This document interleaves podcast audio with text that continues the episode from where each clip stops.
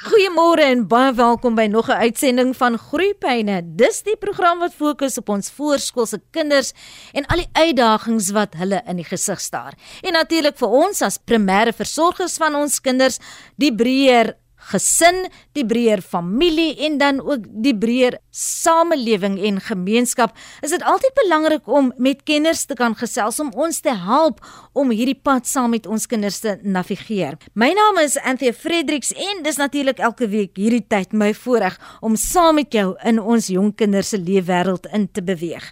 Nou in verlede week se groeipyn het ek gesels met arbeidsterapeut Armandi Ekotse. Ons het toe Ons gesprek begin rondom neurodiverse kinders en meer spesifiek kinders met outisme en Armandi het vir ons 'n mooi uiteensetting kon gee oor neurodiverse kinders. En dan het ons so bietjie geraak aan wanneer daar moet keuses gemaak word, opsies vir kinders, neurodiverse kinders wat skool betref. Waar begin ons? Hoe benader ons dit? En Armandie en ek het so bietjie daaroor kon gesels. Aan die einde van ons gesprek verlede week het ek gesê daar's nog so baie waaroor ek en Armandie nie kon gesels nie gegee die tydsfaktor natuurlik. Ek het haar teruggenooi na die ateljee hierdie week om ons gesprek voort te sit. Nou dis 'n mondvol van my kant af. So goeiemôre aan jou Armandie Kotse. Goeiemôre Antia en vir almal wat luister vanoggend. Dit was so plesier om weer in julle geselskap te wees. Ons vorige praatjie donderdag 30 November was um vol teoretiese kennis. So ek wil graag vandag die inligting nader bring na die neurodiverse ouetjie binne die konteks van sy ouer huis. Ook wat ons alles te doen staan om ons kinders toe te rus vir hulle funksionering binne die huisgesin, by die skool en in die wye wêreld wat hulle elke dag so braaf betree. Absoluut. Armandi, ons het verlede week begin gesels oor sensoriese verskille by kinders met neurodiversiteit. Ja, ek dink sensoriese prosesseringsverskille by persone met neurodiversiteit is baie werklik. Die navorsing dui aan dat tot met 80% van kinders met outisme is hyper of hiporeaktief tot sensoriese stimule die bewuswees van inkomende stimule vanuit jou omgewing, die interpretasie daarvan is so uniek aan elke persoon en dit is uh, wat sy sensoriese profiel saamstel. By kinders met outisme word hulle sensoriese profiel deel van die individuele verskille wat deurgangs in ag geneem moet word en ons moet volle begrip daarvoor toon hipo en hiperreaktiwiteit. Selfs jy kan selfs 'n kombinasie daarvan binne dieselfde sensoriese profiel kry. Dit het 'n geweldige impak op 'n ouetjie se daaglikse funksionering, hoe hy voel oor homself, sy emosies, sy gedrag, sy sin van veiligheid, sy angsvlakke. So dit dui net aan watter impak dit kan maak binne 'n klasomgewing, binne 'n skoolomgewing. So wanneer mens kyk na sensoriese persepsie, gebeur die meeste leer deur veelvoudige sensoriese integrasie wat die inligting van verskillende sensoriese modaliteite behels. En dit word geprosesseer en geïntegreer deur die verskillende senuweestelsels en dit behels dan dat jy kan leer en sin maak van jou situasie en jou omgewing um, te kan optimaliseer. En dan net weer om terug te kom na geskiktheid vir skool of klasplasing, 'n pas te kan maak by 'n neurodiverse ouetjie met so unieke individuele sensoriese stelsel wat sy tas, sy visueel, sy auditief, sy vestibulêr, sy propriosepsie, sy introsepsie en selfs wat so belangrik is vir neurodiverse mense, reuk en smaak, dit word alles daardeur aangeraak. En dan moet mens onthou dat die onderwyseres in die klas en elke ander kind in die klas en op die speelgrond hulle eie unieke sensoriese profiel het. Uh so gesê moet mens ook onthou dat elke ouer, beide ma, pa en hierdie ouetjie se boeties en sissies, elkeen 'n sensoriese profiel het wat eie aan hulle is. So dit kan 'n baie gekompliseerde omgewing skep vir so 'n ouetjie waar sy sensoriese profiel werklik uniek en individueel is. Armani dit het soveel impak op hierdie kinders dat dit selfs nou ook ingesluit word in die DSM-5 Diagnostic Statistical Manual as 'n kriteria vir die diagnose van outisme. Vertel ons bietjie meer net so oor die hypo en die hiperreaktiwiteit eh, van sensoriese insette waarvan jy nou gepraat het en die gevolge daarvan. Okay, ek dink wanneer mens kyk na hiper of hiperaktiwiteit tot sensoriese stimule, moet mens um, in gedagte hou dat 'n sensoriese uh registrasie is om 'n bewuswording of 'n bewuswees van stimule te hê en die interpretasie daarvan is uniek by elke persoon. So jy moet in gedagte hou dat hiperreaktiwiteit 'n sensoriese reaktiwiteit. So dit is 'n absolute normale reaktiwiteit in soveel uh, mense. Dit is spesifiek 'n respons of reaksie op sensoriese ondervinding. En mens moet in gedagte hou dat dit is deel van ons oorlewingsmeganisme sodat ons kan optree en reageer wanneer ons in gevaar is afhangend van wat in die omgewing rondom ons aangaan. Ons moet kan filter die inligting wat nie relevant vir die oomblik is nie en dit kan uitskakel soos geluide of agtergrondsgeraas. En daar's 'n tipiese graad om te ignoreer teenoor om te reageer. So wanneer mens kyk na reaktiwiteit teenoor sensoriese ondervinding wat geaffekteer word en affekteer, hang dit af van jou vlak van opwekking binne in jou eie stelsel. So uh, wanneer reaktiwiteit ooraktief of onderaktief is, word dit as 'n probleem gesien. So die meeste mense reageer op 'n soortgelyke wyse tot sensoriese ondervinding, soos om nie essensiële agtergrondgeraas uit te skakel en as daar skielik 'n vreeslike harde onverwagse geluid is om daarop te kan reageer wanneer jy onderreageer op stimule wat gewoonlik gereageer moet op word of ooreageer op stimule wat gewoonlik nie gereageer word op op nie, is dit atipies en uh, dit is dan dat jy kan uh, gebrek hê om op te let of te reageer op stimule wat meeste mense op reageer. En dit is sensoriese onderreaktiwiteit en atipiese verhoogde sensitiwiteit of reaksie op stimule wat meeste mense nie op reageer nie is sensoriese oorreaksie.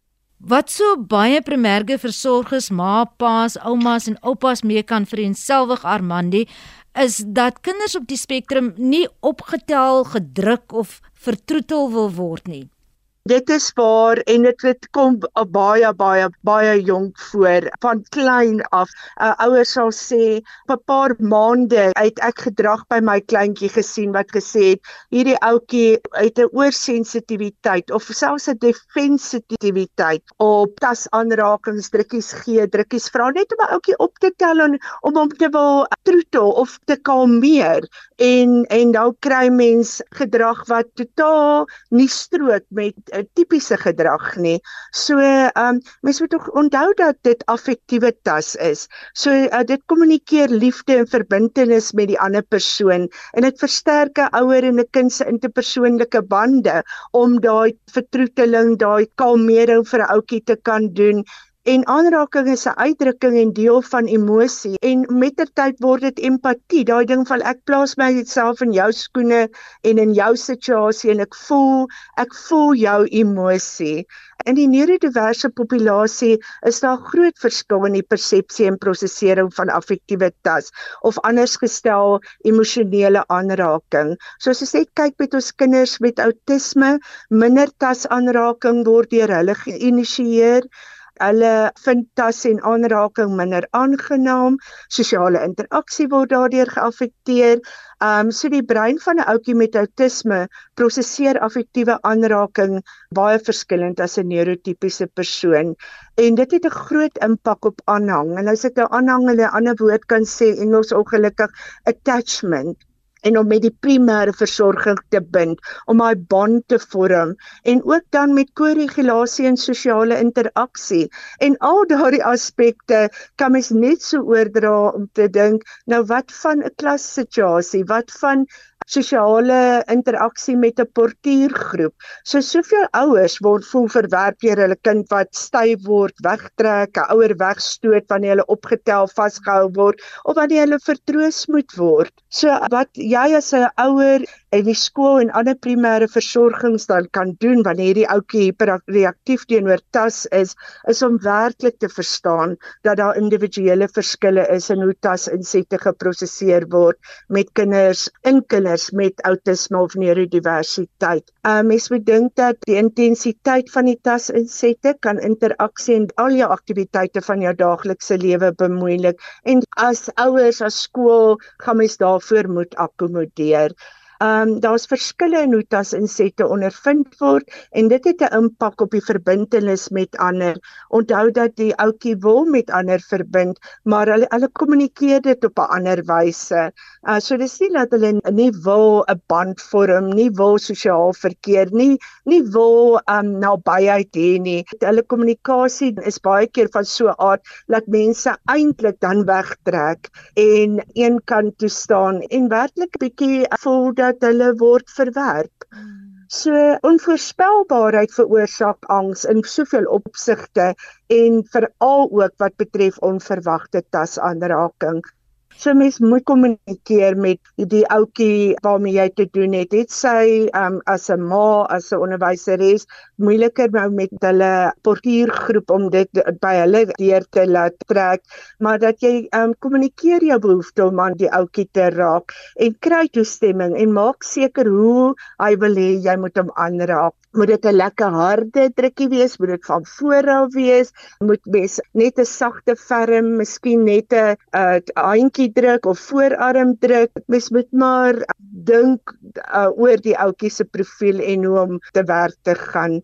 En onthou dat wanneer tasaanraking vermy word, dat die ouetjie steeds 'n behoefte het om ondersteun te word, gekorrigeer te word, om daai nabyheid te hê, maar uh, op ander wyse as tasaanraking.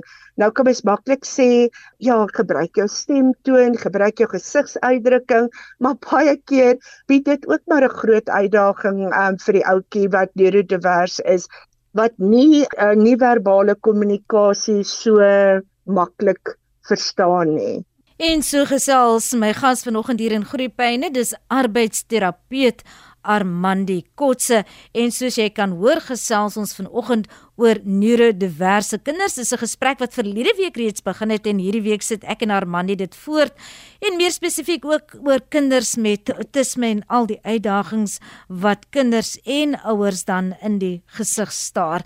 Armandi, net voor die breek het jy verskeie kere die term korregulering aangehaal. Wat verstaan ons as ouers en versorgers daaronder? Ek dink wat mens heel eerste moet in ag neem is dat elke kind moet eers gekoolreguleer word om selfregulering te ontwikkel. En dit begin letterlik van direk na geboorte waar ouers 'n ouetjie se emosionele behoeftes raak sien en selfs hulle fisiese behoeftes, hulle negatiewe gevoelens van honger, van dors, van ongemaklik voel, van miskien valk wees, van net nie reg voel nie. Dit is waar koregulering begin om op die einde selfregulering as 'n volwassene te kan ontwikkel. So dit is die interaksie tussen die ouer en die kind, die terapeut en die kind kind, die onderwyser en die kind waar die volwassene sy kalmte deel met die kind, wat sy kalmte verloor en disreguleer. So dit is uh, baie keer wat iemand sal sê dis daai meltdown. En wat mens in gedagte moet hou is mens gee en offer so ouetjie 'n warm en kalm reaksie. Uh, so gee jy vir jou kind ondersteuning en jy demonstreer wat selfregulasie behels uh, die volwassene stel 'n voorbeeld. So hy demonstreer vir die kind hoe om emosioneel self te reguleer en op te tree in 'n moeilike situasie want jy kan maklik disreguleer as so ouetjie daardie meltdown het en jy voel in jouself so so emosioneel net nie opgewasse daarvoor nie. So volwassenes is die rolmodel vir kinders hoe om hulle emosies te beheer. En nou is daar is 'n sterk verwantskap tussen sosiale emosionele ontwikkeling en suksesvolle funksionering later in 'n kind se lewe. So mens moet onthou om jouself te reguleer en nie te straf met negatiewe emosies van ouerkant af nie. Mens kan nie 'n kind se negatiewe emosies ignoreer, afmaak, verwerp nie, want dan verklaar jy jou kind se emosies as ongeldig en 'n kind leer nie om sy emosies te lees en dan te kan hanteer nê. So mens moet streef na daai warm ondersteunende en reagerende ouerskap want dan versterk jy jou bande met jou kind en um jy verseker dat hulle uh, sekuur aanhang het en dit is daai wat mens so baie van lees met trauma en attachment skies vir die Engels maar dis so moeilik om aanhang te gebruik en dit klink nie waar kom dit vandaan dat daar dit sekuur moet wees. Jou kind sien dat jy sy behoeftes raak sien en daarop um reageer. Ek wens moet 'n gedagte hou dat koesterende interaksies help kinders om hulle emosies te verstaan, om dit uit te druk en te hanteer. En dan 'n kind met sekuur aanhang, wat ek nou nog gesê het, secure attachment internaliseer selfregulasiestrategieë en hulle kan dit deur hulle verhoudings deur hulle hele leeftyd kan hulle dit dra. En uh, mens moet maar onthou wees maar konsekwent en geduldig met jou kind. Armandie wat van selfsorg? Dit is tog ook sekerlik belangrik ons praat dan van selfsorg met 'n ouer en 'n terapeut, 'n onderwyser. Ek dink dit is selfsorg wanneer mens met unieke outjies werk, wanneer daar neurodiversiteit is, is geweldig belangrik. Veranderde sorg moet jy teenoor jouself regtig genadig wees. Jy moet goed wees vir jouself mm. en jy moet ook erken aan jouself jou gevoelens, jou vrese, jou angs, jou kommer, kwellinge oor die hede en toekoms en dan iets groot altyd by ouers is skuldgevoelens oor diversiteit te veroorsaak of wat jy nie gedoen het nie om dit te kon voorkom het nê. So, sjoe, dan dan begin selfsorg regtig iets wees wat mens mens werklik moet in gedagte hou. En dan kyk mens bietjie na jou eie profiel as jy 'n sosiale persoon is en jy het nodig om selfsorg te doen. Doen wat lekker is saam met 'n vriendin, 'n suster, 'n ma, 'n buurvrou en moet ook nie vergeet dat jou man ook swaar kry en sy gevoelens en kwellinge kan nie onderskat word nie. Hy moet ook herinner word dat selfsorg noodsaaklik is. Eie tyd en saamtyd met jou man is so noodsaaklik. As jy skepend is in jou profiel, bou jou kreatiewe vaardighede, maak tyd vir jou belangstellings en dan kry jy die persoon wat eintlik 'n privaat alleen persoon is wat kan mediteer, yoga doen, lees, wyd lees, miskien oor die onderwerp wat vir hulle kwel en hulle joernaal skryf en as jy sportief is en dit is jou profiel, dra werk in die tuin, ry fiets, gaan stap saam met jou gesin en dan ekoterapie word 'n baie groot ding wêreldwyd. Wees een met die natuur. Plant 'n boom vir uh, jou kind en jou gesin wat dan saam met jou groei en ontwikkel. Ontmoet die son, staan in die reën, hou piknik op die gras. Ons almal kan ons lewe, ons omstandighede, ons verhoudings, ons leefarea opknap, uitsorteer en koester. Watter wonderlike voorstelle het jy nie daar vir ons nie.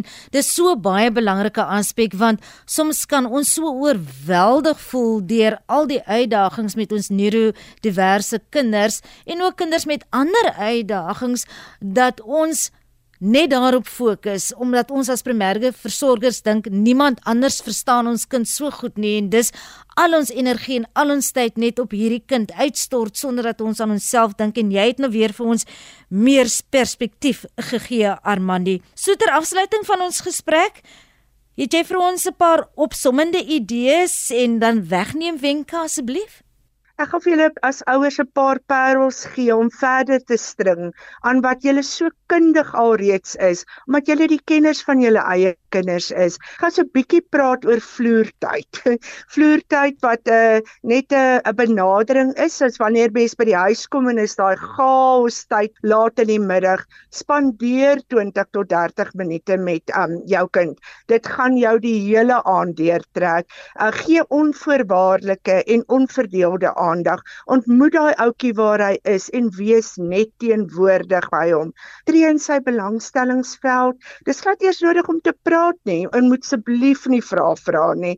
Dis baie harde werk vir 'n kind. En dan wat ons noem wait watch in wonder wag net 'n bietjie, kyk wat die ouetjie doen en wonder wat hy doen en word deel van sy wêreld vir daai paar minute. En dan um, wat ons almal weet en wat ons almal hopelik doen en wat mens net partykeer herinner moet word, lees saam met jou ouetjie elke aand met bedtyd op die ontwikkelingsvlak van die ouetjie en sy belangstelling. As dit 'n boek is met prente van dinosourusse, as uh, dit sy aandag gaan hou, al is dit nie kronologies op ouderdomsvlakkie, maar is ontwikkelingsgewys op ouderdomsvlak, doen dit.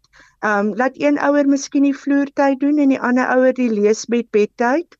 En dan wat ek al vroeër genoem het, ek dink verlede week is om ring jou maar met daai multidissiplinêre span saam met wie jy pad kan stap. Kundig in hulle gebied, maar ook koesterend, beskermend teenoor jou kind, mense wat hom veilig laat voel en met hom kan verbind en 'n hegte band smee. Ek voel altyd dit is 'n voorreg om saam met 'n ouetjie met universiteit 'n pad te loop. En dan onthou ouers is maar die hoof van elke span uit die aard van die saak is hulle hulle kind se primêre versorging en julle is die kenner van julle kind. Al is elke professionele persoon die kundige in hulle gebied, julle word daar die kenners van al die kundigheid. Elke kind met outisme is 'n unieke individu. Jy is nie autisties nie, jy's 'n persoon met outisme. Geen twee kinders met outisme is soortgelyk of dieselfde nie en dan daai toegeneentheid, daai emosionele affek. Dit is affection wat jy intens kan gebruik want dit is die gom van 'n verhouding en verbintenis met mekaar. En dan ook soos ons nou nou gepraat het, ko-regulering kom voor selfregulering. Wees daar om jou ouetjie te help met emosionele sowel as sensoriese regulering, um sodat hy homself kan reguleer in in moeilike omstandighede in 'n klasverband byvoorbeeld. Onthou dat meltdown wat in eenstorting genoem word in Afrikaans en shutdown wat afskakel is in Afrikaans wat sogenaamd van nêrens afkom en onverwags is, het opgebou en opgebou en opgebou. Geen kind stort in e, in 'n oomblik in 'n oogwenk nie. En kyk maar wat het daartoe aanleiding gegee. Baie belangrik is dat hierdie gedrag nie as aandagsoekend beskou kan word of afgemaak kan word nie. Ons kan nie ons kind se gedrag ignoreer of die kind uitskakel en nie want daardie ouetjie se vertroue in jou as korrigeleerder word verbreek en dit laat hom vreeslik onveilig voel.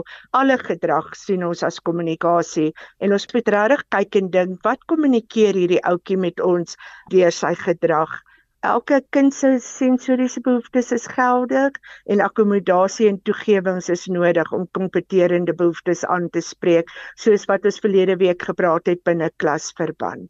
Armandi, al wat vir my oorbly is om jou te groet en dan hier met die aanvang amper van die vakansie seisoen.